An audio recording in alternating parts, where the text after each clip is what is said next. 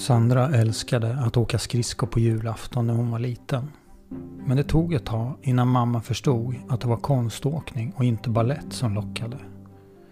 Nu för tiden tävlar Sandra med sig själv när hon plockar ur diskmaskinen.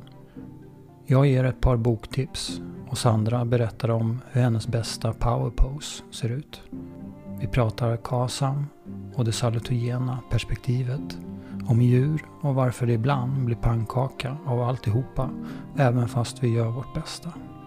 Jag som pratar heter Jonas Larsson. Tack för att du lyssnar. Nu kör vi.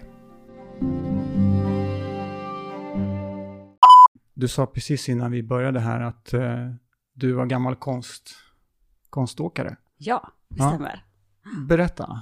För jag, det var ju innan eh, vi satte igång här så sa Mm. jag lite grann om, berättade lite kort om upplägget att, att vi kör som en hockeymatch. Mm. En uppvärmningsdel och sen så tre perioder och sen så varvar vi ner. Mm. Precis. Och då kommer jag direkt att tänka på Ja, konståkning ja. och vi har delat plan. Ja, Berätta. Eh, ja, nej men, eh, ja, men jag höll på med det väldigt länge till, till jag började gymnasiet egentligen. Mm. Eh, men jag åkte framförallt teamåkning. Eh, de var 16 stycken på, på isen Mm. och gjorde olika formationer. Eh, så det var nästan mitt liv under eh, hela mellan och högstadiet i alla fall. okej. Och in på gymnasiet. Mellan, men då mellanstadiet, då var du kanske bara 10, runt 10 Ja, precis. när du började eller? Ja, jag började åka singelåkning, började man ju åka ungefär i lågstadiet där, när jag gick i Mm. tvåan, trean. Mm. Och sen så när jag blev mm, tonåring, då var då jag bytte och hittade min gren kan man säga. Mm. Och då insåg jag att det var roligare att göra tillsammans med människor. Mm. Vara ett team och synka och Mm. göra alltihop. Kommer du ihåg varför du började? Åka? Alltså vad var det som gjorde att du tog dig iväg? Jag vet inte riktigt helt, men Mm. jag tror jag blev inspirerad av människor som sa att de eh, åkte konståkning. Eh, Jag vet att jag hade någon i min klass som gjorde det. Och även att jag alltid älskade att åka eh, skridskor på julen. Eh, Och jag tyckte det var så fint att kolla på. Mm. Sen vet jag att min mamma tog mig till olika konstiga danser och sånt där istället. Och ballett. Det var ju inte riktigt det jag ville. Så jag blev lite sur efter ett tag. Jag bara, men hur svårt ska det vara? Jag vill ju vara på isen liksom. Mm. Mm. Och då hittade vi, hittade vi in i konståkningen till slut. Så var det, var det kanske, eh, var det mer själva skridskoåkningen än eh, det här eh, dans? Alltså jag vet inte ens, hur, hur, skulle, Mm. du, hur skulle du beskriva konståkning? Alltså, det, Mm. ja det är skridskoåkning, men, men eh, den andra delen är ju väldigt konstnärlig och ja, som, Ja, ja men det är den och eh, men det är, vad ska man säga, det är ju massa olika, det är en blandning av dans och gymnastik fast på is skulle jag kunna förklara det som. Mm, För det mm. är rätt så komplexa, men man utmanar ju verkligen ehm, balansen och eh, styrkan. koordination och Ja, absolut. många bitar där. Ja, och framförallt sen när man ska synka med 16 stycken andra, eller 15 stycken andra då, på isen också, där man ska eh, passera varandra och lyfta varandra och sådär. Men kommer du ihåg att du tänkte att eh, jag tycker det är roligare att göra saker tillsammans med andra? Snarare än att gnata på med ditt eget? Eller har, det, har du kommit på det i efterhand? Jag tror jag kom på det i efterhand, eh, men jag, in, jag hamnade ändå på det på något sätt. Och jag tyckte det var roligare att ha ett gäng eh, att träna med. Jag tyckte det var roligare, det är lite skillnad på singelåkning och teamåkning också. Eh, rent eh, praktiskt eller vad man utövar. Eh, och jag föll väl lite mer också för de typen av ehm, eh, metoder som man använder inom teamåkningen mer. Mm. Samtidigt som jag kände att teamet var kul. Men jag har svårt att bedöma helt. Jag tyckte de där lektionerna var roligare då. Mm. Det var så egentligen. Mm. Jag gjorde både och ett tag. Men var, det var gruppträning och enskilda eller grupplektioner? Eller? Så egentligen när man trä- tränar singelåkning så är man oftast några stycken ändå, så har man en tränare. Mm. Men allt man gör är eh, för sig själv. Mm. Eh, och eh, när man tränar teamåkning så gör man mycket, eh, håller man ju fast i varandra i mångt och mycket och synkar varenda steg man gör. Mm. Ehm, så det var det jag gjorde parallellt då ett tag. Så till slut fick jag välja, för man kunde inte satsa på båda. Nej. Vad, vad är det i det där egentligen att, att eh, man ska bli tvungen att välja? Mm. Alltså, ja men vi pratade, du gick i Mm. mellanstadiet. Ja, Nej, man kan inte göra båda. nej jag vet. Nej, ja det är jätteknasigt. Och det är ju dels för att man ska lägga så mycket tid på det. Ja. Eh, Men jag tycker ju ändå att eh, man hade nog kunnat Ja. göra mycket av det här. Mm. Jag läste precis en, en bok som heter Range. mhm.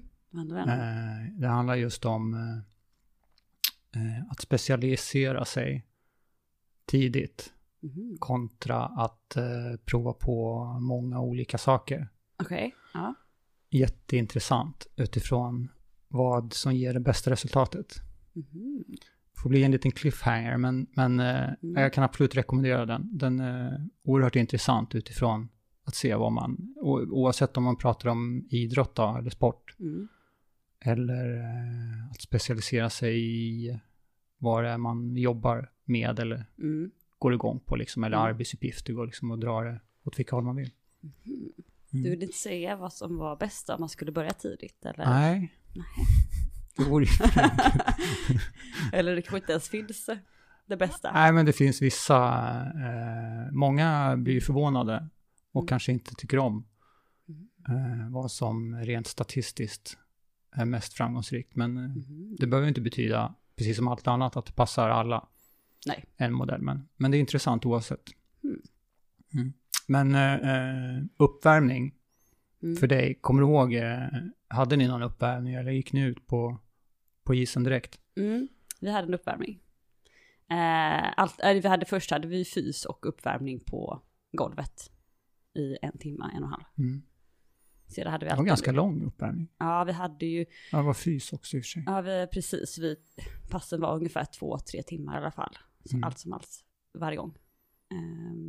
Så Och det är ju också lång Ja. tid. Alltså man jämför, ja det finns, klart finns ju Mm. väldigt olika, men en fotbollsträning eller, ja i och för sig, jag kommer ihåg våra träningar i, i hockey, det var väl, kortast var ju en timme, strax under en timme, Mhm. men annars, alltså på is. Mm, ja, precis. Och sen hade Eh, annars, och sen var det, annars var det långa pass var väl en och en halv kanske på, en och tjugo på, på is. Ja, okej. Alltså ispass, men sen så precis som du säger så var det väl uppvär, uppvärmning och fys, fysen låg ju ofta efteråt för oss. Ja, när det är efteråt. Jaha, spännande. Ja, vi, vi behövde väl vara lite piggare kanske. Kanske. Kan nog vara så. Jag vet inte. Ja, precis. Ja. Ja. ja. Men eh, uppvärmning, om vi, om vi flyttar eh, samtalet ifrån att handla om sport då, Mm, till eh, vardagen. mm. Tänker du ens i, i de banorna att du eh, ibland i vissa situationer i, i vardagen eller ja, på något sätt värmer upp? Mm. Eller eh, Intressant går, går du bara rakt in i någon situation eller de situationer där du egentligen, eller egentligen där du vill prestera eller njuta eller bara göra någonting? Mm. Nej men det är klart, jag värmer nog upp beroende lite på hur trygg jag är i sammanhanget som jag ska in till. Mm. Eh, det skulle jag säga. Mm.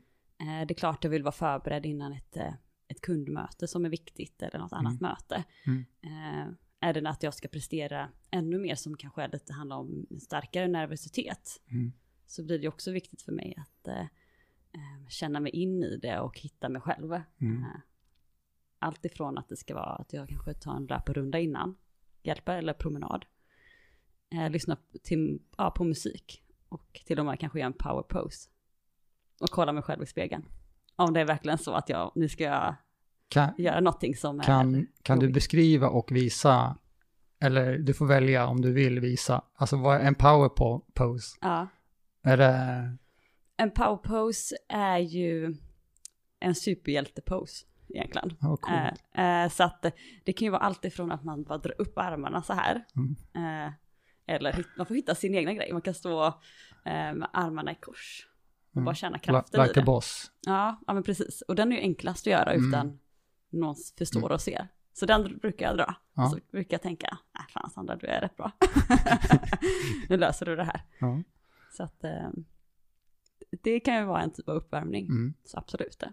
Märker du, om det nu är viktigt, Mm. märker du, ser du en jättetydlig korrelation mellan hur mycket du värmer upp, eh, snedstreck förbereder dig mentalt, fysiskt, Mm. för sen, eller, eh, eller hänger det ihop med, med hur nervös du är?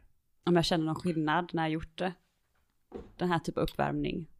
Exakt, Ja. alltså om du ser att, eh, Nej, alltså det, det är väldigt, jo, eh, de gångerna när, när, jag varit, när jag är väldigt nervös och kanske stå framför många människor Mm. och verkligen ha en tydlig tid på om nu ska prestera den här tiden, då behöver jag vara väldigt förberedd. mm, men många gånger har, det, har jag kommit in i så här jätte, varit i en väldigt stressad situation.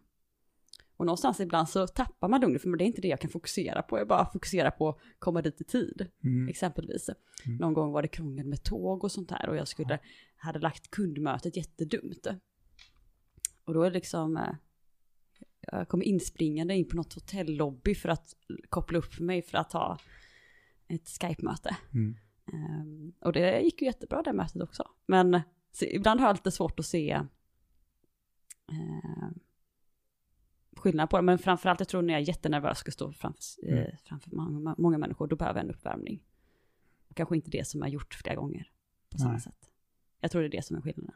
Ja, för så kan jag känna ibland. Ja. Om, jag är, eh, om jag är nervös Mm. så då eh, är jag väldigt medveten om tiden innan. Att, nej men att jag behöver eh, ja, mentalt förbereda mig eller eh, ja, det kan ju vara allt ifrån att göra saker och ting konkret eller bara gå in i en känsla att ja, eh, så. Men, men det jag tycker är lite intressant för att jag kan inte alltid se att om vi säger att jag skulle lägga en halvtimme Mm.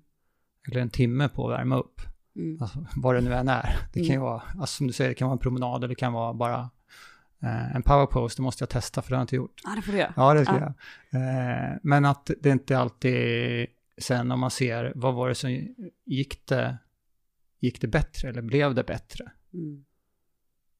Alltså det där kommer jag ihåg ifrån när jag spelade hockey att, eh, jag menar ibland, eh, så ärlighetens namn så slarvade väl både jag och andra med uppvärmningen. Mm. Eh, och exempelvis den långa uppvärmningen, att kanske sova ordentligt eller ja, äta bra, ja men du vet, Mm. de här förberedelserna. Mm. Och så gick man ut och var hur grym som helst. Mm. Och sen ibland hade man gjort allt enligt skolboken. Och det blev bara pannkaka. Ja, det är väldigt intressant. Ja, jag tycker det är lite intressant. Vet, Alltså- Kan du se någon parallell om det handlar om det mentala i det hela? Att du kanske var en annan Jag tror en kombination kanske. Mm. Alltså för jag menar ibland så, jag tror att både vi mentalt och fysiskt, vi har, vi har bra dagar. Mm. Och så har vi riktigt bra dagar, eller tillfällen. Eh, och ibland det motsatta. Mm. Alltså att så är det bara. Mm. Oavsett hur mycket vi förbereder oss eller hur vi tränar eller så, så är i alla fall min erfarenhet att det räcker inte att, eh, att jag gör kanske eh, det jag kan. Sen, är det liksom, sen behövs det en gnutta tur eller att det är en bra dag eller Mm. det är så mycket som spelar in. Liksom. Ja men verkligen, jag tänker också att det hänger ihop lite grann för min del. Hur, för oftast är det ju tillsammans med någon jag ska göra någonting. Ja. Mm. Eh, Ja, vi är ju väldigt sällan ja. själva. Precis, och i det synkningen där Mm. tror jag också hänger Mm. ihop. Mm. Eh, men vem är det jag pratar med? Mm. Eller vem är det jag ska göra det här med? Är de också, kan de lyfta mig Mm. i någonting? Eller vi är så bra synkade och då kanske det ändå blir bra. Mm. Då kanske det inte alltid beror på hur förberedd jag är Nej, i mångt och mycket. intressant. Ja, jag tänker det. Att det hänger ihop med så många delar i det hela. Om jag säger Aron Antonovsky, Mm. vad säger du då? Ja, jag, jag säger känsla av sammanhang Ja, okej. och Men- salutogent. Salutogent. Mm. Om du börjar med att berätta, vem, vem är Aron Antonovsky? Ja, han är ju en professor, Mm. en gammal, han lever ju inte längre. I, eh, var det medic medicinpsykologi, något sånt där. Mm. Kommer Mm. inte exakt ihåg hans eh, titel. Ehm, och han var ju den som myntade begreppet eh, ett salutient eh, hälsofrämjande eller salutient perspektiv på hälsa, Mm. kan man säga. Ja, det, det salutogena, Mm. det betyder väl just att hälsobefrämjandes, Ja, Eller? precis. Hälsans ursprung. Man hälsans fokus- ursprung, just det, så är det. Mm. Så då är det fokus på vad är det som skapar välmående och hälsa egentligen. Och, eh, Inte det som har varit så mycket. Nej, precis, och det är det som jag tycker är så intressant. Hela vården är uppbyggd på det motsatta, det patogenta synsättet. Just det. Och hela vår samhälle egentligen. Där Mm. vi jobbar för att bota människor och kolla på det som är orsaken till ohälsa. Snarare till det som skapar hälsa. Mm. Men det har kommit mer nu och det är skönt. Det kommer mer. Mm. Men eh, om vi stannar där innan vi går tillbaka lite grann till Aron då. Mm. Men varför, varför tror du att det har blivit så? Och att det fortfarande är så mycket fokus på eh, det som har varit? Oj. Ja, jag tror att det beror på flera olika saker. Dels, ehm, alltså kollar man på vården, hur den är uppbyggd, om man bara kollar på vården, så är de ju, syftet är ju det att man kommer dit när man är akut sjuk och de ska bota en. Så någonstans har man ju redan där det rena reaktiva arbetssättet och det är det man har fokuserat på. Och det är klart, det blir mycket tydligare. Jag tror det är mer svart och vitt att bota än att jobba med hälsofrämjande. För någonstans lever man i den här världen att vi vet inte vad som kommer att hända. Blev den här uppvärmningen Mm. eller eh, att jag äter på det här sättet och tar hand om mig själv. Blir det resultat man vill? För att det är svårt att veta eftersom att du vet ju inte hur det hade varit utan det heller. Så jag tror det blir ibland det blir väldigt svårt, svårt att mäta på samma sätt. Mm. Om man jämför med då det patogena synsättet. Mm. Kan det också vara att, eh, att det känns som att eh, det finns en tro på, eller att det till och med är enklare att jobba med, jaha, du har eh, blivit det här. Alltså nu, vi, nu ska vi sätta in en behandling, Mm. snarare än att jobba med många olika delar som gör att vi mår eh, bra, Mm. eller vi mår bättre. Tror jag absolut det. Alltså oavsett om vi pratar om rent kirurgiska Mm. ingrepp eller medicinska ingrepp eller alltså behandlingar. Mm. Så är det i regel, får rätta mig om jag har fel, men i regel så är väl det eh, punktinsatser. Ja. Alltså vill vi dra det Mm. jättelångt så säger jag ta en Alvedon så får vi se om det blir lite bättre. Mm. Istället för att ställa frågan eller vilja se på, okej, vi, vi vet med hjälp av forskningen eller vi vet med hjälp av ja, vetenskap och kunskap vad vi behöver i regel. Mm. Ja. ja. Men så tror jag, jag tänker också människan i sig, vi är väl rätt lata på ett Mm. sätt, Mm. eller bekväma. Mm. Vi, för att någonstans handlar ju hälsa många gånger om en beteendeförändring, och den är ju jättejobbig för de flesta att hantera. Eh, så att den här tabletten blir ju lite enklare än att försöka förstå, det är lite lustigt att få huvudvärk alltid samma tid varje dag. Samma situation. Ja, Jättemärkligt. ja. och så tänker jag, ja, men lösningen, är det tabletten? Eller är det Mm. någonting annat? För oftast är det inte det som är problemet att eh, jag tar den här Alvedon någon gång ibland. Nej. Men får, utforskar jag inte mig själv eller skapar medvetenhet i mina levnadsvanor och hur det påverkar mig. Mm. Då kommer ju det kanske i sin tur leda till att du behöver ta fler tabletter längre fram. Och det är väl det som är utmaningen. Mm. Vad var det Aron kom på eh, som var så bra eller som, och då eh, utgår jag från att det är någonting bra. Ja, Det, jag kanske skulle ha börjat i den änden, men, men jag snabbspolar lite Mm. grann för att Ja, jag gör vet att du eh, och ni på Wellbify eh, jobbar väldigt mycket med KASAM Kasam. Precis. och eh, som står för, Känsla av sammanhang. ja, som, som var det Aron, bland annat, eh, Mm. Han, eh, han forskade, eller han gjorde en studie där han, studie där han undersökte ehm, ett kvinnligt, ehm, eh, vad kallas det, Ehm, arbetsläger, vad kallar man sån eh, utrotningsläger, nej vad heter det? Koncentrationsläger. Koncentrationsläger, Ja. tack. Ja. Mm. Ehm, och människor då som hade varit med om den här situationen. Eh, och hade haft det jättetufft, men ändå efter den tiden eh, kunde känna, en, men ändå hade starkt välmående. Och, och det var det han tyckte var väldigt intressant. Okay, men varför de här människorna som var utsatta på en så extrem nivå ändå kunde känna en starkt eh, hälsa i det hela på något sätt. Eh, och då eh, förstod han sen eh, i sina studier då att det handlade egentligen om tre saker. Och det var begriplighet, hanterbarhet och meningsfullhet. Som är tre viktiga byggstenar i människans liv för att kunna känna och uppleva god hälsa och välmående då. Eh, så det är egentligen det KASAM bygger på. Mm. Eh, De tre delarna, eller KASAM ska man säga. Mm. Kasa. Ja. Ja, har jag blivit rättad på senare tid.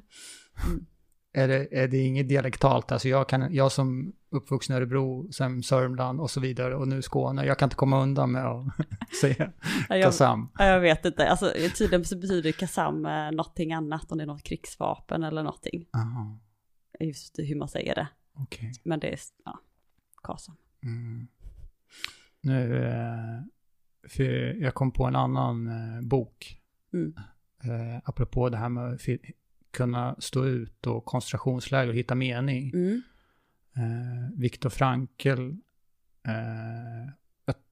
ja, var det han som skrev det? Men Man Searching for Meaning. Ja. som, som också eh, handlar om en man i, i, i ett koncentrationsläger Mhm. och eh, vad det var som gjorde att han eh, klarade sig, eller ja, en parentes. Men Intressant. intressant, för det var, eh, det handlade väldigt mycket om just eh, sammanhang och att kunna hitta mening i det absolut värsta som eh, man inte ens kan tänka sig egentligen. Jätteintressant det. Vad sa du? Och- Searching? Search, man's searching for meaning. Och kanske den mest eh, övergripande existentiella frågan, Mm.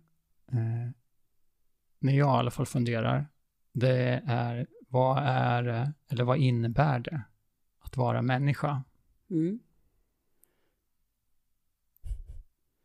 Sen finns det hur många frågor som helst Mm. som är alltså kopplat till det existentiella. Mm. Att, eh, ja, vad är meningen eller vad, varför och så vidare. Mm. Men om vi tar den, den, jag säger inte att den är enkel. Och det var därför jag vill ställa den. Mm. För att, vad innebär det att vara människa egentligen? Alltså jag ser ibland oss bara som ett djur. I det stora hela. Mm. Eh, och... ja, väldigt klurig fråga. Vad har du själv tänkt på så här långt då? Har du funderat? Ja, att vi, vi finns och vi är. Mm. Och vi eh, dels tillgodoser vissa grundläggande behov. Eh, Men också att vi söker efter, som vi var inne på tidigare, mening, Mm. sammanhang och, och att eh, vi gör det gärna, eller att vi har behov av att eh, vara tillsammans med andra. Mm.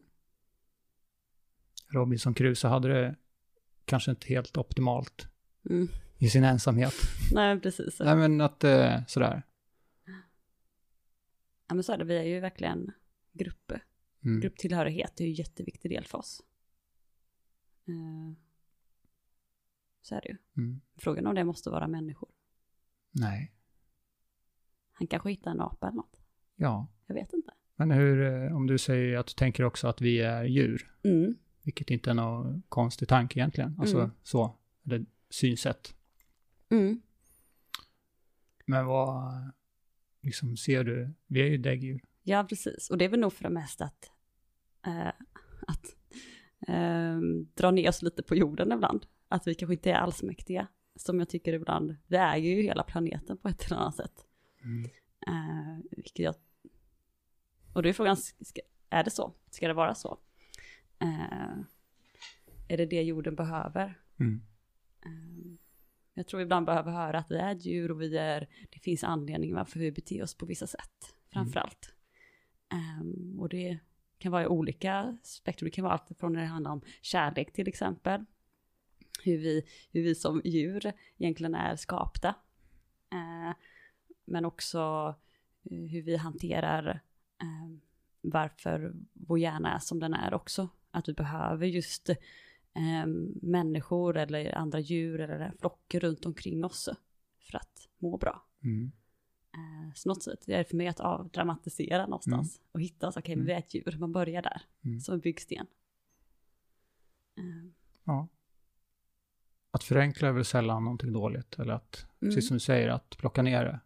ja, precis. Det finns ju någonting i, i, i hur vi människor eh, gärna ibland i för stor utsträckning sätter oss på en slags piedestal. Mm, precis. Vi gör vad vi vill. Och, struntar eller kanske inte alltid bryr oss om konsekvenserna. Nej men Mm. verkligen. Mm. Vad som gagnar oss. Det är så Mm. många andra djur som Mm. blivit utrotade på grund av vart vi har satt oss fot, Ja. vår fot. Mm. Vilket också är väldigt intressant. Om du skulle ge dig på att försöka definiera kreativitet. Mm. Hmm. Vad är kreativitet eh, för dig? Jag tror, alltså för mig är det handlar det om att komma in i någon rätt sinnesstämning. Där det är väldigt mycket energi på något sätt. Mm. Ehm, för när jag har energi eh, och bra energi, så energi för mig är också hälsa någonstans. Då mår jag ju bra och jag är väldigt glad eh, och idéerna sprudlar egentligen. Eh, och det är då jag kan vara som mest kreativ eh, och skapa saker och inte fastna i det här tunneln. Um, Vad sa du? Fastna i något tunnelseende, ja, utan, tunnelseende? men typ Mm. öppna upp egentligen för eh, andra tankar och idéer. Menar du i formen att, att vara tillåtande till vad som är Mm. möjligt, eller? Ja, men precis. Mm. För jag upplever att jag själv låser mig många gånger. Och det, då är jag absolut inte kreativ. Eh, och jag har inte så bra energi heller. Nej. Eller jag mår inte så bra då. Vet du Eh, varför? Och stressar kanske. Ja. Vet du varför du låser dig? Eller det låser sig? Ja, eh, ibland.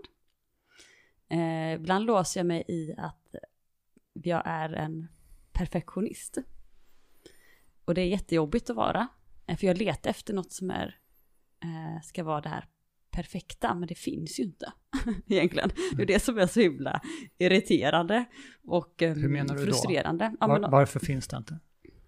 eller perfektion är ju olika beroende på eh, hur du ser på perfektion i ett, Mm. ett och jag ser på någonting annat. Om jag ska skapa en flaska till exempel. Jag letar efter någonting som jag tror, alltså jag låser mig egentligen i att jag vill ju ha det perfekta i allas ögon. Mm. Vilket är typ omöjligt att få. Ehm, så då, då, det är ett sätt, eh, då vet jag att jag låser mig väldigt mycket. Ehm, och då inser jag att det gör jag oftast när jag är själv. När jag ska skapa någonting själv. Mm. Jag behöver någon annan som trycker på och lite godkänner när vi kör på. Mm. Nej, vi skiter i det. Eh, testa det här istället. Eller, för jag, och det är någonstans, där handlar det egentligen om någon typ av bekräftelse som jag är ute efter. Att det är okej att släppa det och gå vidare. Och sådär. Ja, för ibland eller till slut så måste vi ju säga att nu är det bra. Mm. Nu går vi vidare. Ja, men precis. Eh, tav, tavlan blir inte bättre för att vi målar en halvtimme till eller den där texten blir inte bättre för att vi eh, jonglerar med orden i en dag eller vad det nu är. Ja, men verkligen. Och det går ju också emot lite det här typ av startup som ändå eh, Wellbify befinner sig i, att vi ska testa oss fram hela tiden. Vi vet inte vad som är rätta svaret än. Vi bara Ja. testar och ser vad som händer. Och det är det som eh, jag, man, jag tror också är bra att hamna i oftare när man ska skapa någonting. Vi testar och ser. Mm. Istället för att leta efter, nu ska det vara klart. Och det är då jag är en lite, min hjärna går hela tiden mot att jag vill bli klar för att sen släppa det. Jag tror jag, så jag måste hela tiden arbeta med att någonting är aldrig klart. Och att det kommer alltid finnas saker att göra och hitta det fina i det. Att det är under utveckling och att det är... Mm. Mm. Precis. Och vissa saker kan vara klart och då, då kanske det är klart under en tid. Och Eh, ibland känns det som att det, bara för att eh, vi eh, stannar eller accepterar att ja, men nu är jag klar, Mm. så här blev det. Eh, så en del i att kunna producera eller skapa någonting annat eller komma framåt är att eh, eh, ibland så det hade kunnat bli annorlunda eller hade kunnat blivit bättre kanske på, Mm. på vissa sätt. Men det hade ju också varit på bekostnad av att vi inte går framåt eller tar nästa steg. Mm. Så det är liksom, du kan inte få båda och. Nej, precis. Och där, där är väl den här eh, jobbigt sköna känslan att aldrig riktigt veta. Mm. Kan jag i alla fall känna att Mm. eh, ja, det här, eh, ja, och tillräckligt bra, ibland, ibland funkar det att tänka så, Mm. men inte alltid. För ibland är det mycket svårare. Men hur hanterar du det då? Jag vet också att jag är precis som du. Mm. Eh, perfektionist vill jag inte säga, men eh, jag, jag kan arbeta för länge med någonting. Mm. Men jag har blivit bättre på det. Inser du själv att du gör det då? Ja, det, Ja. jag, blir, jag blir ibland eh, lite som programmerare. Mm. Alltså du vet, som ska skriva den perfekta koden. Mm. Och sen så i, i praktiken så handlar det kanske bara om någonting som är en snygg kod, men eh, själva användandet blir inte bättre. Mm. Alltså att det, jag ibland snör in på detaljer och, och eh, håller på med någonting. Mm. För att jag har liksom, det blir, det är inte så att jag tänker att det är en fix idé, men det blir ju det. Mm. Att, ja, lite bättre, eller ja, jag skulle nog kanske kunna. Mm. Sådär. Men har du lättare att stanna? Det, har det kommit så långt så att du kan stanna dig själv när du märker att du har hamnat i det? Eller är det någon utifrån som behöver typ knacka dig på axeln och bara, nu, nu är det nog nog. nu tar vi det här ifrån dig. Precis. Ja, ja men det, det, det har ju hänt. Ja. Och det är någon kombination. Det blir inte bättre för att jag arbetar längre med det. Mm. Och jag liksom ser, och det blir, jag, får- jag får också en, en större trygghet i ju mer jag bara går framåt. Mm. Och eh, i form av, eh, det är en koppling, eller i alla fall för mig en slags kombination av egot, att ja men det här är, ja ja, det här är liksom, så här blev det. det ja, någon annan kanske tycker att det skulle vara bättre eller annorlunda, men så här blev det. Mm. Eh, och eh, det är ganska få liksom som ändå som bryr sig. Så det handlar ju väldigt mycket om den egna känslan, Mm. Ja men så är det ju. eller hur? Ja. Mm. Och det är den som man behöver lära sig hantera. Mm. Men absolut hitta någon typ av, jag tror man kan hjälpas åt att hitta metoder för att ehm, sätta punkt. Mm. Eh, och jag vet, eh, något som jag försöker bära med mig som jag lärde mig, så jag tycker var jättebra i, som jag fick lära mig nu i höstas, eh, och det var jag skulle göra en pitch. Så jag hade förberett mig att göra en pitch, alltså presentation då om mitt bolag som skulle, jag skulle prata om det kanske i tre minuter, fem minuter.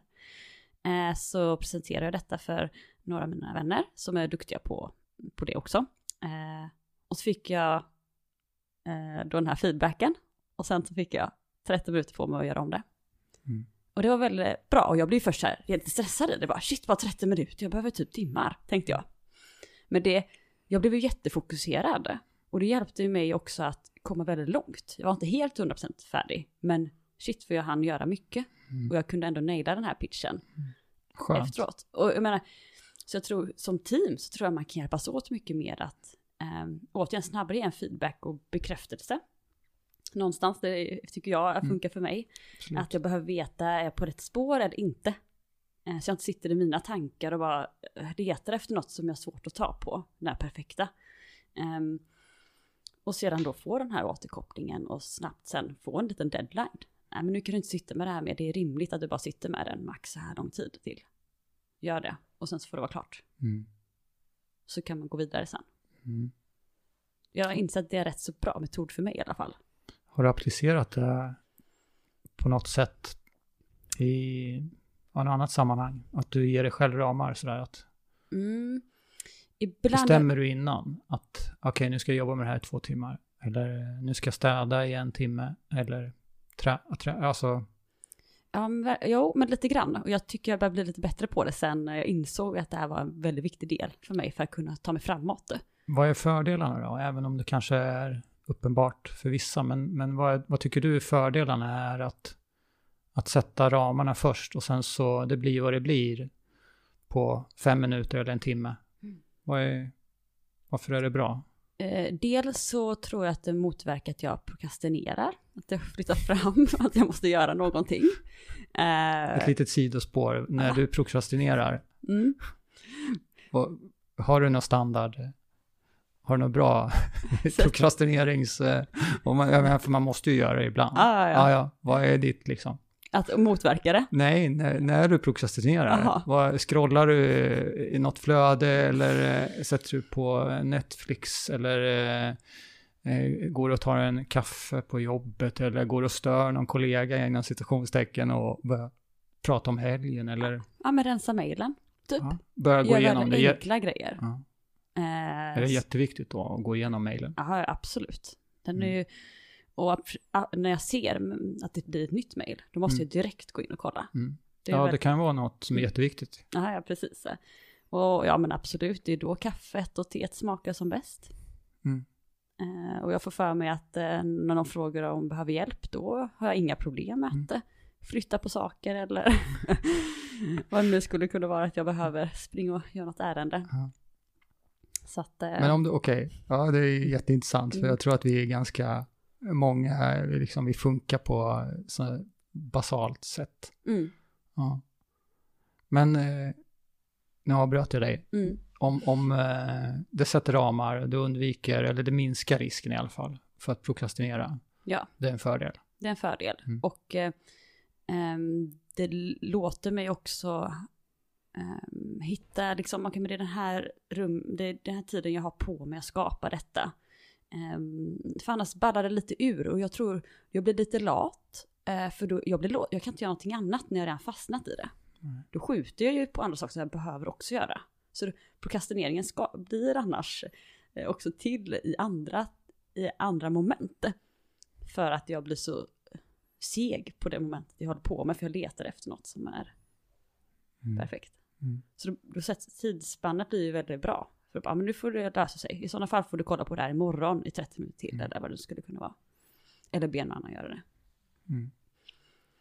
Och eh, det är insett också att jag behöver, jag har mycket lättare att, eh, jag är inte en perfektion, perfektionist när det kommer till vad andra människor gör.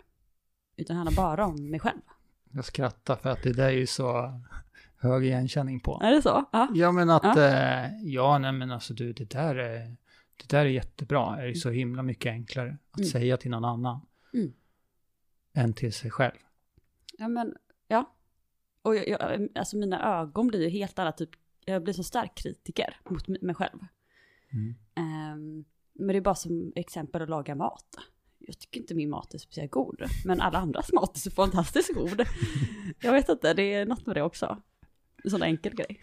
Ja. Jag kan tycka att det är som, om, om vi då har någon slags grunddrag att vara, vilja göra det perfekta eller vi vill att det ska bli riktigt bra, så blir det ju samtidigt en, en avlastning utifrån att eh, någon slags prestationsångest eller bara den egna, egna förväntningarna på sig själv, hur någonting borde bli eller hur det borde vara. Mm. Om jag tar exempelvis att om jag ska städa lägenheten. Så det är klart att jag kan ju städa en hel eftermiddag. Mm. En lördag. Eh, men om jag då tänker att hur mycket tid vill jag städa? Hur mycket tid vill jag ge mig själv eller liksom lägga ner på att städa? Mm. För, och sen så får det vara bra. Och, för sen så vill jag göra någonting annat Mm. idag. Sätter jag en timme då och bokstavligen sätter en timer så jag går igång på det. Du gör? Ja, jag går igång på att att, timer. ja, jag sätter en timer och sen så när det har gått en timme då är jag klar. Mm, spännande. Då gör jag inte mer. Och det Mm. för mig så det, det, det är klart att det går att städa mer. Mm. Ja, det är klart. Men det är liksom, ja. Du kan dra ut varenda låda. Nej, men jag skulle ju kunna städa tre timmar varje dag. Mm. Och du skulle ju ändå kunna komma in, eller jag skulle ändå kunna tycka att kanske jag kunde vara lite bättre Mm. städat. Men jag gillar det sättet du tänker att du vänder på det och ställer frågan hur mycket tid vill jag lägga på det här eller hur Mm. mycket tid är det värt just nu utifrån det andra som jag vill göra. Mm. Det är ett väldigt intressant sätt. Mm. Det ska jag ta med mig. Ja. Jag vet, jag ibland brukar, just städning så brukar det vara enkelt för mig, brukar jag göra det som en tävling. Jag tar tiden på saker jag ska göra. Mm. Eh, och då, men då blir det indirekt, då sätter jag typ så här, Ja. nu ska jag ta upp diskmaskinen. Jag får bara göra det på en och en halv minut. Och satte jag timern också och gjorde det. Det har hänt någon gång, eller bara kolla klockan. Sk- Skriver du ner? Nej det gör jag inte. ja, här är min lista. Mm. Det här är mina bästa tider. Nej, och plocka ur diskmaskinen. Det hade varit roligt. Ja, det tycker jag också. Det tycker jag också. Ha en liten scoreboard. Ja, lite så. Ja. Eller samtidigt som man bara eh, eh, värmer mat i mikron. Det är perfekt. Då pingar det till. Då Ja. hinner jag ju ladda upp, okej. Nu Mm. hinner jag vattna alla blommor. Jag hinner göra det här innan. Gi- Gillar du, får du lite feeling, eller rätt sagt så här, får du en eh, skön tillfredsställelse av om du känner att du är effektiv?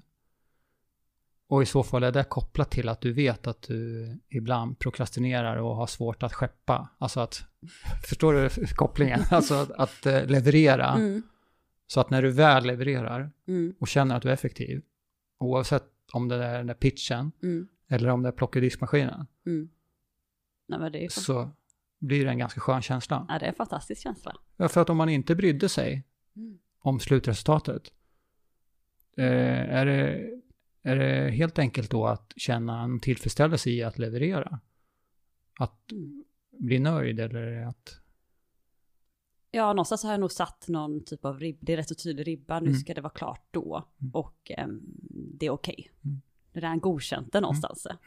Och det är klart, det, det kan man ju applicera på allt. Ja. Du har sagt, eh, det paradoxala hälsoläget är att vi generellt är friska, men mår dåligt. Mm. Känner du igen det? Mm. Vill du, har du lust att utveckla det lite grann? Vad, vad menar du med det? Ja men precis. Eh, och det handlar nog rätt så mycket om det som vi är inne på. Och det, får man, det kan man ju argumentera om det är det hälsa och inte. Men det där, eller vi har inte varit inne på det, men det är psykosociala ohälsan som växer i vårat, eh, våran värld exempelvis. Ehm, och någonstans så ser vi till, alltså kroppsligt och hur vi fysiskt sett så mår vi rätt så bra. Eh, och vi har det eh, sett till vad man gör, alltså allt från trygghet, allt från arbete och, och hur man har det hemma är, är bra. Så frågan är varför mår vi inte bra, men ändå är vi så sjukast just nu. Eh, Tänker du då också när du säger att vi har det bra? Tänker Mm. du på att det liksom den totala utvecklingen, standarden eller vi har, vi har fått det så bra i stort? Även om det såklart finns grupper som Mm. inte har det bra. Men, så är det.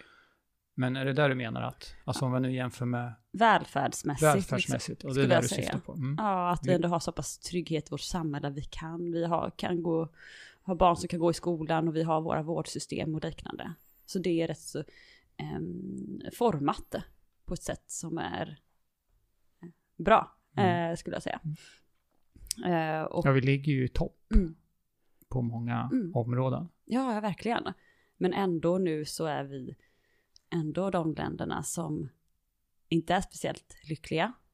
Eh, och eh, den psykosociala ohälsan bara växer bland yngre framförallt. Och det är väldigt oroväckande. Så någonstans eh, är vi friska, rent så, men ändå sjuka Ja, eller och mår dåligt. det är inte helt enkelt som individ eller för någon ens att, att ja, när är jag frisk? Mm. När är jag sjuk? Om vi då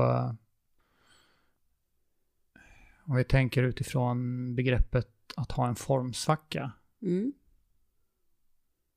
Vad, om jag säger det ordet, vad, vad får du för tankar? Ehm, just formsvacka så tänker jag att ehm, mig, att jag inte kan, jag har svårt att ta tag i saker eller att jag är, eh, min kreativitet är att, av att skapa grejer, vad nu skulle kunna vara, Mm. är liksom är bortblåst på något sätt. Mm. Så ser jag det nog som. Mm. Tänker du ibland att du, att du har en formsvacka? Mm. Eller sätter du några andra ord på det kanske? Men, men Ja, tänker ja. du att... Eller hur, hur är ditt förhållningssätt till själva den känslan?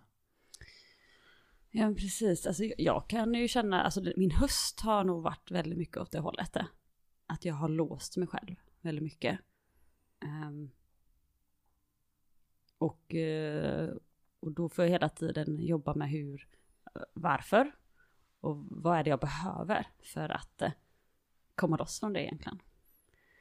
Jag vet inte riktigt vilket uttryck jag använder i det. Ehm, men det kan ju vara allt från att jag känner mig nere Mm. Ehm, att saker och ting betyder, inte har så stor betydelse. Eller att jag inte känner mig 100% mig själv. Mm. Så brukar det liksom vara hos mig i sådana fall. Mm. När jag har de här formsvackorna. Är du stressad? Till en början är jag stressad. Sen kommer jag till, oftast till en punkt. Där jag bara så här, skiter i vilket. Hur då? Jag bara, nej men jag tror, jag försöker, det är något så här. Absolut, jag kan nog, ibland blir jag så stressad och det är liksom när jag nästan kommit över den och blivit, kommit till insikt att nu är du, all, nu är du för stressad, det här är farligt, det är inte bra liksom längre. Det finns liksom en gräns, okej, varför är jag det? Men då kan det bli att jag börjar, min hjärna börjar sortera bort saker, vad som är betydelsefullt och inte. Eh, vilket är bra och vad är det värsta som kan hända egentligen? Mm. Eh, när jag inte gör detta. Eller, ja men jag kanske skiter i vissa saker för att hämta energi. Kan man, upplever du att du blir mer fokuserad? Jag börjar direkt sålla då. Mm. Eh, och det är nog absolut för att eh, jag märker nu, nu börjar det gå för långt. Och det, kan ju, och, då, och det är framförallt när jag märker att små saker stressar mig. Men du märker det ändå? Mm. Ja, absolut. Så du upplever att du är ja, alltså receptiv Mm. på det sättet? Mm. Känner igen? Ja, men eh, jag tror jag analyserar mig själv rätt mycket. Mm. Eh, och försöker förstå varför, eh, varför är det så här. Det har jag nog gjort det rätt så under lång tid. Och det hjälper mig då att eh, jobba mig ur det. Men då är därför tror jag lättare att bara blockera bort grejer också. Men vad är viktigast för mig just nu? Så jag tror jag går ju också upp och ner i sådana här svackna. Men för mig är det viktigast att när jag känner det, nu har det, jag kan känna starka stresspåslag. Eh, Hur yttrar på- sig det för dig? Eh, För mig kan det vara alltid, när det gått för långt eh, så kan det vara att det börjar rycka i mina ögon. Eller att jag får lite migränkänningar. Eller stel i musklerna. Det är fy, fysiskt alltså du Mm. märker det? Eh, Främst fysiskt. Men eh, Mm. sen så nog att det blir väldigt ner, nedstämd. Och att jag triggas av väldigt mycket små saker som jag inte hade blivit triggad av annars. Sover du sämre? Eller, märk, eller så här, har du, sover du bra? Om jag börjar med Mm. att fråga så, Ja. eh, rent generellt. Nej, men jag så, jag, det går nog upp och ner. Jag, so, jo, men jag sover rätt bra. Ja, hur många timmar Eh, snittar du? Jag försöker sova så mycket som möjligt. Åtta kanske. Åtta? Är du kvälls eller morgonmänniska? Eh, jag tror inte jag är någonting just nu. Du är, Jag var morgonmänniska. du var, Jag tror jag har tappat det. ja. Men jag är trött på kvällen va? Så jag, Men du, en del som blir äldre blir piggare på morgonen. mm, Du kör tvärtom kanske? ja, det hoppas jag inte. Jag tycker ju om morgonen är bättre Ja. egentligen. Ja, du är det? Mm. Men rent, eh, jag, är lättare, jag är ju inte grinig på morgonen. Nej. Är snarare grinig på kvällen. Ah, alltså om man ser energinivån. Så Ja. har jag lite det. Så jag tror fortfarande den här morgonmänniskan i mig finns där. Mm. Du producerar, är du som bäst på mo- morgonen och förmiddagen? Ja.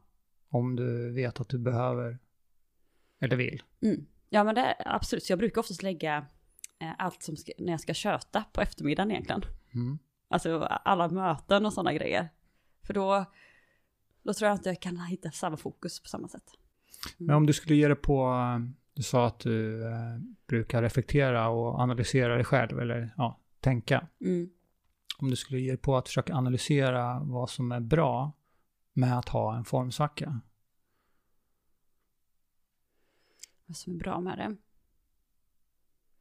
Om vi utgår från att eh, vi, vi har formsvackor Mm. då och då. Mm. Och ibland har vi formtoppar. Mm. Vad, vad existensberättigandet för formsvackan? Ja, så jag tänker ju att du behöver svackorna för att nå toppen. Allt är ju inte där uppe, om man säger så. Nej. Eh, Så jag tror det är för Kan man att inte hinna alltid ligga där uppe? Eh, Jag tror inte det. Nej. Eh, För, för då, vi kommer hela tiden söka efter någonting annat helt plötsligt. Allt är en vanlig grej. Så ligger man på toppen så kommer det helt plötsligt att man vill söka sig ännu. Så att jag tror ändå det finns alltid en, det kommer alltid finnas den här vågen. Så den här svackan tror jag också hjälper oss att mm, ja, men hitta att eh, det faktiskt förhoppningsvis man landar, eller för mig, att jag börjar analysera och förstå, men vad är problemet? Att det hjälper mig någonstans att hitta mig själv lite mer och förstå mig själv bättre. Ehm, för det är just då jag analyserar som mest egentligen, när jag är i svackan. Och för att, och, och någonstans kan det hjälpa mig att eh, leverera ännu mer värde på lång sikt. För jag har börjat hitta det här, ja men ah, okej det här triggar eh, mina svackor till exempel. Vet du varför du hamnar i, i en svacka? Mm. Alltså, du kan du se ett mönster? Eh, Har du lärt känna dig så pass mycket så att du känner igen och vet? Eh, Ja. Eh, till viss del, jag skulle säga det. Och det, jag bygger upp, eh, jag hittar på, tror jag, krav som jag tror andra människor ställer på mig. mm. Som jag inte tror, de existerar ju inte för det är ingen som sagt det. Men jag inbillar mig att de finns. Mm. Och det kan vara Tror du att det är bra? Alltså, jag menar, att, Tänk- att jag alltså, har de jag- kraven. nej, om jag, så- så- tror du att du tänker att den är bra, att jag inbillar mig att de här kraven finns, för att då kommer jag leverera bättre? Ja, det, någonstans så triggar det inte mig att jag blir, jag blir inte lat. Om man säger så. Jag blir inte för Är du rädd för det? Är Alltså- rädd för att vara lat? är rädd för att, eller är det så himla starkt kopplat till din, eh, alltså det är att du vill prestera det perfekta, dina höga krav Mm. som gör att, Ja, jag tror, alltså framförallt för mig, om jag, jag måste nästan relatera till bolaget där vi har investerare. mm, gör Så det. där bygger jag gärna in krav där jag tänker de har ju ändå, de har investerat i bolaget och förväntar sig en viss typ av avkastning på sin investering. Så indirekta finns, tänker jag att där är någon typ av krav som jag behöver hantera. Mm. Eh, fast om de inte riktigt uttalat har sagt det, så upplever jag att det finns. Ehm, Pratar du om, pratar du om dem med, om vi börjar med A, någon, eh, men, de här Molgan-kraven?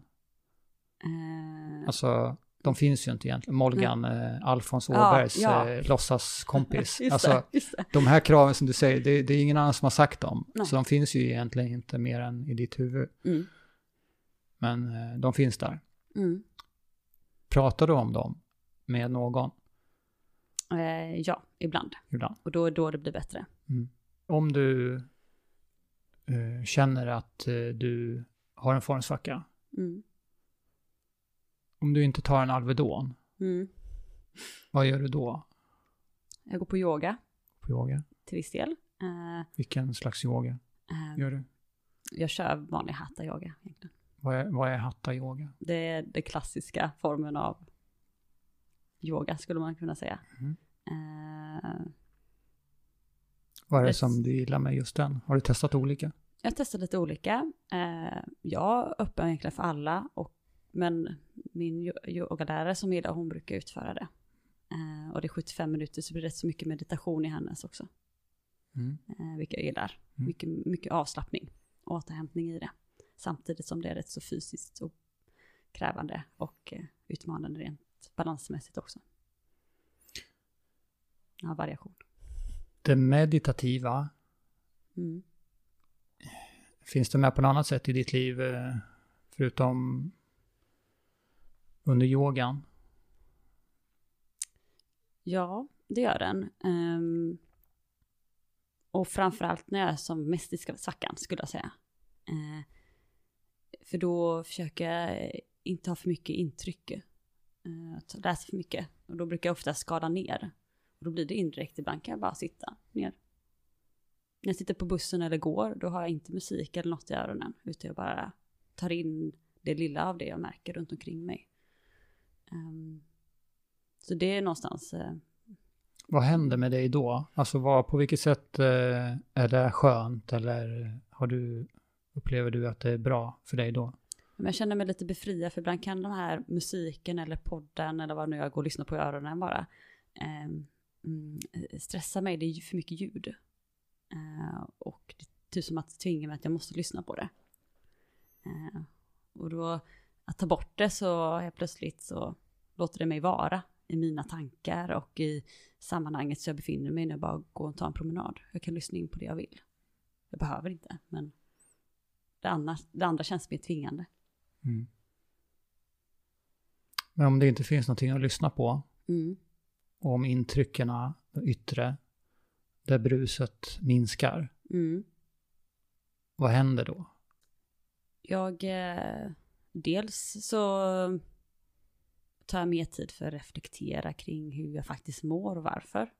Men också så bara hitta det här tysta. Det är bara det, eh, typ att ingenting. Tomheten egentligen. Eh, och den är lite skön. Fast om tanken alltid går iväg åt något håll så landar jag nog mer i, i ingenting. Och det är väldigt skönt, tycker jag. Och det blir ju en eh, tvär kontrast till det här produktiva och effektiva Mm. och att leverera enligt en hög standard Mm, som du har. mm, Så det blir en förutsättning för att kunna komma tillbaka till eh, det, vad man ska kalla det, formtoppen då. mm. Precis. Åt, alltså den återhämtningen eller vad ser du det som återhämtning i, i ditt, ja, vad ska man säga, ditt förhållningssätt till exempelvis de här promenaderna eller Mm. Absolut. Nej men det blir, det blir en återhämtning. har du olika tårtbitar i, i ditt liv? Att du behöver det här fysiska, Mm. du behöver det här, ja, eller jag ska inte leda, s- säga att du behöver, men eh, om du själv skulle Ja, säga, vilka ja, tårtbitar alltså, där? ja, vilka tårtbitar, alltså de här, om du själv skulle beskriva dina tårtbitar som du har, har landat i, att eh, de är viktiga för dig. Mm. Det, det är några stycken. Dels är det ju självklart det sociala, att eh, känna att jag har tid och lägger tid på mina närmsta vänner och familj. Det är en väldigt viktig del. Eh, sen är eh, utveckling och stimulans en väldigt viktig del och det kan vara allt från att läsa någon, egentligen en ny bok, men inte heller över överösa mig själv med det, utan hitta någon balans. Eh, sen är ju rörelse och motion en viktig del Mm. och även kosten, skulle jag säga. Mm. Och framför, men något som jag också haft utmaningar med som jag vill hitta mer, eller som jag letar efter, det är väl någon starkare typ av hobby. Jag tycker det är så tråkigt att säga att min hobby är att jag går och tränar. Alltså för mig är inte det en hobby, men det är väl det för vissa. Men Mm. då vill jag ha, jag vill ha något mer konkret än att jag går till ett gym. Utan jag, jag hade, så där fick jag leta efter någonting som jag inte riktigt hittat tror jag. Vad tror du kommer hända när du hittar den där hobbyn då? Vad, är, vad blir annorlunda? Är det att kunna säga att du har en hobby eller är det att det ska bli större självförverkligande av eh, något eller vad är liksom drömscenariot med en hobby? Kan man, ja, om det går att fråga Mm. så. Ja men verkligen, att jag kan landa mig in i någonting där jag känner mig upprymd och få skapa någonting. Mm. Eh, och där jag känner mig alltid nöjd med det. Inte så mycket krav. Det bara blir vad det blir, för det är kul. För jag tror när det direkt börjar bli för mycket krav på det, så blir det någonting annat. Vem sätter kraven då?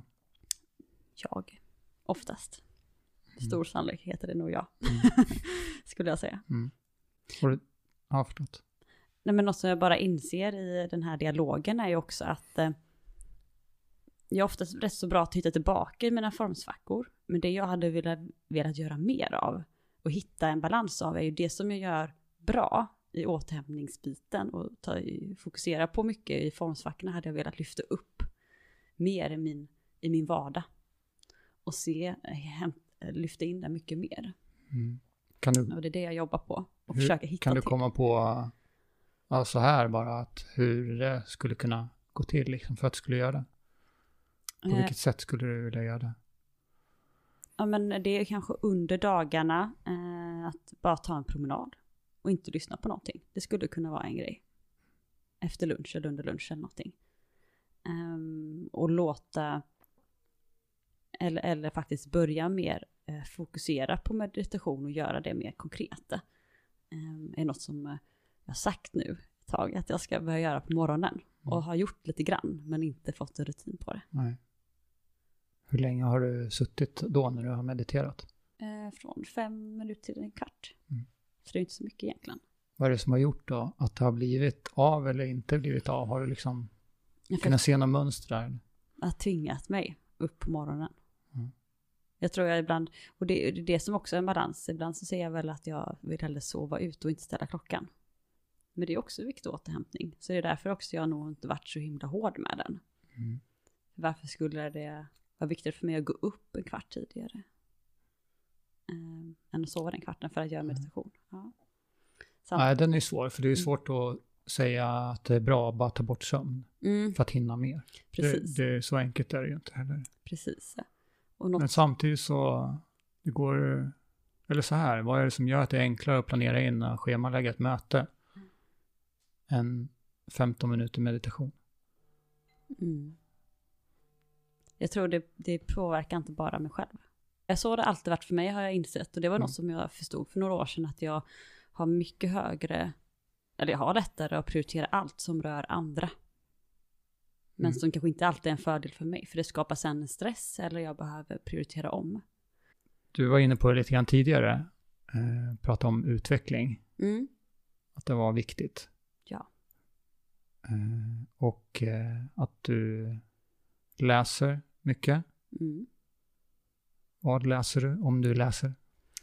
Jag försöker, eller utveckla för mig, det behöver inte vara att läsa faktiskt. Ehm, men eh, jag, jag från och till läser jag böcker, eller lyssnar på böcker snarare. Jag är mer för att lyssna. Eh, och det kan vara allt ifrån ehm, mer, ja men det kan vara allt ifrån uh, Homo Deus som jag läste för ett tag sedan, men det var nog något år sedan nu. Factfulness, det typiska. Läste du Homo sapiens först? Eller Eh, sapiens? Ja. Sapiens, yes. Det Ja. gjorde jag. Det gjorde jag. Vilken tyckte du Homo Deus. därför? Eh, Att? jag tycker, det beror lite på. Jag tycker ändå Homo Deus fick in både mer, kanske lite för lite av det dock, framtiden. Och var vi befinner oss nu mer med teknologin.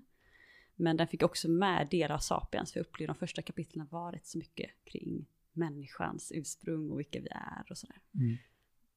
Men båda är ju bra på sina sätt. Ja. Men skulle man läsa en så skulle jag läst bara Homo Deus Mm. tror jag. Ehm, så när jag läser rätt så mycket fakt, faktlitteratur ska man säga. Ja, man säga. Ehm, För det tycker jag, det ger mig oftast mest, för jag vill, jag vill lära mig och, eh, och sen få lite nya perspektiv. Och det får jag oftast i den miljön. Ehm, Men jag har också kört en grej att jag är praktikant ungefär en gång i månaden, en dag. Och det är också ett sätt för mig att lära mig, jag sätter mig i en helt ny roll. Mm. Följa med någon och en helt ny bransch eller mark- eh, sammanhang som jag aldrig varit i. Och det är också ett sätt för mig att läsa in och förstå min omvärld mycket bättre. Mm. Vilket jag är väldigt intresserad av att göra. Hur gör du då? Alltså du, eller så här, hur kom du på den idén? Eh, Jag stod eh, vid, i Hels- nere i Helsingborg där de håller på och bygger det nya hotellet där nere vid hamnen, här kongresscentret. Ja. Så det, då kunde man gå upp där och kolla, på, ut, kolla hur de bygger. Och så satt jag och tänkte bara, shit vad nice det borde vara att gå här och bygga på dagarna. Det ser rätt trevligt ut ändå. Eh, och så inser jag så här, va, det, är ju så jävla, det finns så mycket coola, roliga arbeten som jag hade velat testa på, men kommer troligtvis aldrig hinna med att göra. Ehm, och det är inte för att jag vill byta arbete, tror många, utan snarare för att jag vill få inblick och förstå mer. Eh, och se om det var kul eller inte, som jag tänker mig. Eh, så det var egentligen där det för, tanken för typ, men hur svårt ska det vara att kunna bara få testa något nytt en dag i månaden? Så då skickade jag ut en post på LinkedIn och Facebook och då fick jag jättemånga som hörde av sig. Så nu ska jag göra det igen. För Det Mm. var, nu har jag haft ett litet uppehåll här under hösten. Men jag insåg den dagen gav ju mig väldigt mycket. Alla tycker det är så himla kul, så de- jag får ju vara med och göra allt. Få vara med på så här lite hemliga möten, känns som de har väldigt starkt förtroende. Får verkligen testa att göra saker. Det där tycker jag låter superintressant. Mm. Alltså både på den individnivå Men också, jag gissar, eller så här, skulle det, jag ska ställa en fråga istället. Skulle det kunna vara att de som tycker att det är så kul att du kommer, Mm. att de faktiskt inte bara får energi utan att de känner att du bidrar på något sätt. Jag hoppas det. Ja men alltså Mm. på den korta tiden och, och med de förutsättningarna Mm. Jag så hoppas. bidrar du ju ändå Ja, på något men, sätt. ja, men precis. Att jag kan ändå komma med min, och det var lite min utgångstanke från början när jag skickade ut den här informationen om att eh, nyttja mig så väl ni kan. Att Mm. ta nytta av min kompetens och erfarenhet. Och det är väl också för att minimera de här vi och dom-känslorna som vi också har i vårt Ja, samhälle kring ja. allt. Att eh, kan jag förstå mer så kanske jag ändå ser alla som ett på något sätt. Och sen tror jag på det här att komma in med, med nya ögon. Mm.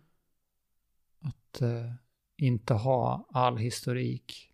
Att inte känna till allt. Alltså alla detaljer eller så. Mm. Så jag har varit inne på det ofta. att eh, en, en, Eller jag har haft en känsla i alla fall att, att om, om jag kommer in i ett sammanhang Mm. där jag får veta vissa förutsättningar. Och exempelvis vad det finns för utmaningar. Eller, eh, så, så går det ju att hitta nya sätt Mm. att lösa saker på. Eller hur? Men många gånger så eh, upplever jag i alla fall att eh, vi, det är någonting som gör att vi hellre vill lyssna på oss själva en gång till Mm. eller varandra. För vi vet ju faktiskt bäst. Alltså det jag menar, vi kan ju produkten eller vi kan ju tjänsten eller ja, vad det nu är liksom som... Ja, det är rätt så intressant det. Ofta är det historia eller erfarenhet som man tror är det som bygger eh, smartaste, de smartaste lösningarna. Mm. Det är ju inte alltid så. Nej. Så är det ju en kombination av en annan människa som har en helt annan bakgrund. Vi är homogena till slut, en grupp. Vi formar ju varandra och plötsligt tycker vi, och, eh, tycker vi samma. Mm. Och det tror jag är lite farligt. Ja men det klassiska är väl just det där, någon ny kommer in, varför gör vi inte så här för? ja, Ja men då har vi provat, det har vi provat och det, nej det går inte och nej det går inte och till slut så har den här medarbetaren i värsta fall Mm. eh, fogat in sig i ledet Mm, och slutat. mm, Kommit med alla saker som de ser att, ja men vad fast, det här borde vi ju, det här skulle vi ju kunna göra annorlunda. Mm. Varför gör vi inte det här för? nej precis. Och då bara nej, nej, Ja, det, så, åh, det dödar ju ja, kreativitet. verkligen. Åh, Ja. jag blir galen. Ja, det här Ja. kände jag igen mig Ja. så mycket från ett annat jobb jag hade ändå. Om vi pratar utveckling Mm. eh, och stannar kvar lite så här, vad tror du, eller varför eh, vill du utvecklas? Jag tror väldigt mycket på livslångt lärande. Och för mig stärker jag mitt alltså, psykiska välmående jättemycket genom att utvecklas och sätta mig i sammanhang där, som är ibland är rätt så obekväm också, eh, men också bara eh, så enkelt som att läsa och lyssna på någonting gör mig mer kreativ, har jag insett. Framförallt också om jag låser mig väldigt mycket, eller ner i en svacka, då kan faktiskt just eh, den här typen av stimulans, kunskapsstimulans, hjälpa mig också att eh, komma tillbaka så länge det är lagom nivå och jag verkligen vill, ja, det är ju en balans det där. Vad händer om vi, eller du, inte känner att du utvecklas? Alltså jag tappar energi. Jag blir... Jag, Uttråkad, Jag, jag blir jätteuttråkad. Ja, jag blir uttråkad. Men sen så kan det gå nog gå förbi, ut, att när jag har gått förbi att jag är uttråkad så blir jag mer så här... Eh, tråkig. alltså jag tror att jag blir en bitter person lite grann. Mm. För jag får inte den här stimulansen, för allt det bara blir så vanligt. Jag bara går och tuggar och gör min grej. Och då är din grej, det kan vara olika saker, att du, Ja men framförallt Alltså- jobbet, att jag går dit och jag gör de grejerna. Sen så kan det vara vissa saker som händer där, men absolut annars. eh, Jag behöver lite mer intryck mm, för att känna att eh, jag gör något vettigt på den här tiden jag har i mitt liv. mm, För att jag blir så glad. Jag blir väldigt, ja men jag blir lycklig av att göra de här grejerna. Att eh, eh, så länge jag också är väldigt medveten om att jag gör det. Ibland behöver det inte vara så stor grej också, men bara skapa medvetenhet kring eh, att detta är annorlunda och nytt och det är roligt det. Och hur får du det att hända då? I en tisdag i november? Vecka? Ja, vad det nu är. i- Nej men, Ja, precis. Ehm, det kan vara allt ifrån att gå en annan, helt annan väg till jobbet eller hem. Köpa något nytt som jag aldrig smakat på innan. Ehm, men kommer du på det i farten? Är det ditt eh, naturliga tillstånd att eh, eh, ja men nu eh, hälsar jag på tre personer som jag möter. Alltså Mm. får du hela tiden sådär, eller att du kommer på att det här vill jag göra annorlunda? nej, det gör jag ju. Nej, så, jo, gå olika vägar har jag en tendens att göra. Mm. Den sitter nog inne. Ehm, andra grejer behöver jag vara mer medveten och pusha mig fram. Um, så den tror jag är svårast att göra om man är verkligen i sån, en väldigt svacka. Ehm, men när jag är i ett mellanläge och väldigt super i ett flow liksom i livet så eh, det har jag lättare att ta de bitarna. Tror du, eh, är det, är det några särskilda skäl som hindrar dig till att eh, utvecklas? Alltså utöver att om energin inte finns Mm. eller att du eh, känner att ja, du står still. Mm. Eh, eh, vad är det som saknas då? Eller vad beror det på att du... Nu blir det många frågor igen. Mm, mm. Men vad, vad beror det på att du upplever att det, det är någonting som hindrar dig att utvecklas? Eh, förutom när man kommer till sån svacka så kan det vara ehm, resurser eller tillgångar ibland. Kan det nog vara. Och det kan vara, och det kan vara allt ifrån att det är tid. Och då får jag skapa den tiden. Men det kan också ibland handla om pengar. Ehm, att jag inte kommer ta de pengarna för att göra det här som jag hade velat göra. Typ eh, en svensk klassiker.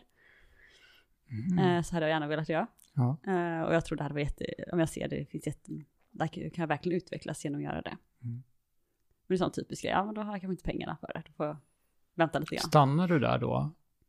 Eller finns, finns det ingenting som i din eh, nyfikenhet då, eller i ditt driv, eh, kopplat till kreativitet eller något, att du tänker att ja, jag vill jag ens tänka tanken att, att göra någonting annat, om det nu inte är klassiken, Mm. eller just så som klassiken är? Eller vill jag bara, är det allt eller inget? Nej, jag tror där eh, tänker jag... Det var ett gör- konkret exempel. Ja, men då tror jag jag gör någonting annat som funkar i sammanhanget som ändå uppfyller det Mm. på något sätt. Ehm, men en svensk klassiker kanske lever kvar. Men jag har svårt att göra den. ehm, för då måste jag... Jag tror också man måste verkligen vilja göra den. Jag tror också det är en balans i det. Hade jag verkligen velat göra så hade jag lagt varenda lilla krona. Sparat till det.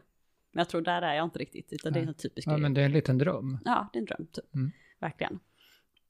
Eh, så det, det skulle vara, men sätter man mig, jag vet det på en arbetsplats och jag får inte tillräckligt mycket frihet empowerment att kunna göra vissa saker och ta vissa beslut. Mm.